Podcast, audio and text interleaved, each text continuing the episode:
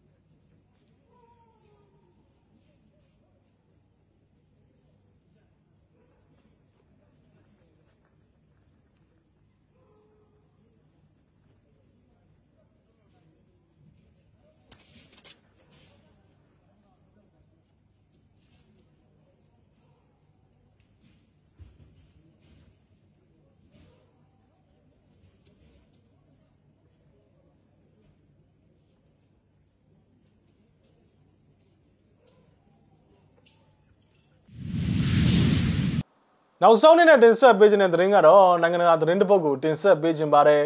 ငလင်တန်ကြောင့်သေဆုံးတော့မြင့်တက်နေစမှာပဲမုန်တိုင်းတိုင်ကြောင့်ဟေတီနိုင်ငံမှာအကူအညီထောက်ပံ့နေအလှမ်းဝေးနေစေဖြစ်တယ်လို့နိုင်ငံတကာသတင်းတွေအရသိရပါတယ်သတင်းအပြည့်စုံကိုတော့မြစည်းမသတင်းဌာနကတင်ဆက်ပေးထားတာပါနောက်ထောင်ကြည့်ရအောင်ပါ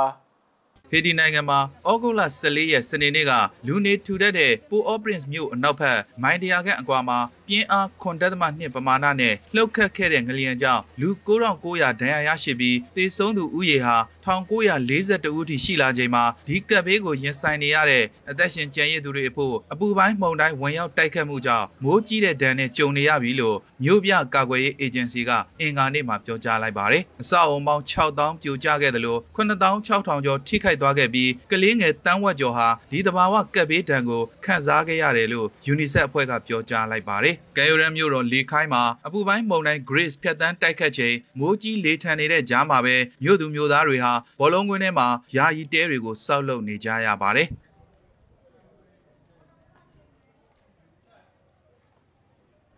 À présent, nous avons un bilan partiel qui est monté à 88 personnes qui mourent. C'est ပြိုမကြတဲ့အဆောက်အဦရဲ့လို့မရှိသလောက်နဲတာမို့ဒေသခံတွေအဖို့မိုးတန်ခံနိုင်ဖို့ခေါင်းဆောင်တွေစောင်းကလမ်းတွေပေါ်မှာပဲနေထိုင်နေရတယ်လို့အသက်42နှစ်အရွယ်မက်ကလီဒက်ကဆိုပါတယ် လေခိုင်းမြို့မှာအားပြင်းငလျင်လှုပ်ပြီးနောက်ပိုင်းရက်တွေမှာလည်းနောက်ဆက်တွဲငလျင်တွေဆက်တိုက်လှုပ်ခတ်နေတာကြောင့်မြို့ကန်တွေမှာတုန်လှုပ်ခြောက်ခြားနေကြပါတယ်။ Moi pas voulu approcher parce que moi réalisé sous chaque discaille c'est une qui campe mais cependant il va bon que le bon မင်းညာကဖះเจ้าနားမှာခိုကပ်နေတော့ငလျင်ထက်လှုပ်လာတာနဲ့ဒီနေရာကိုပြန်ပြေးလာခဲ့ရတယ်လို့ကဒက်ကဆိုပါတယ်။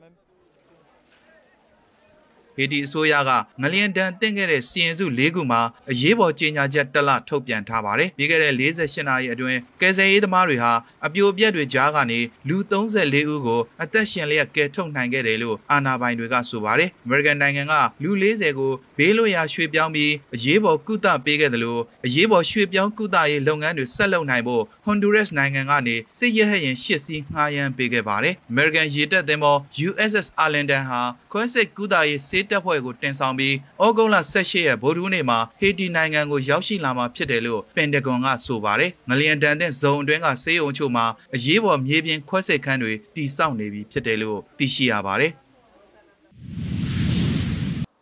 ဟုတ်ကဲ့ပါဩဂတ်စ်လ19ရက်နေ့နနက်7:00နာရီအချိန်ထိနောက်ဆုံးရရှိထားတဲ့သတင်းတွေကိုကျွန်တော်တို့မျိုးစိမဝိုင်းတော်သားများကနေပြီးတော့တင်ဆက်ပေးခဲ့တာပါမြန်မာပြည်နဲ့မှာနေထိုင်တဲ့မိဘပြည်သူတွေအကုန်လုံးဘေးရန်နဲ့ကင်းရှင်းကြပါစေလို့ဆုမွန်ကောင်းတောင်းအပ်ပါတယ်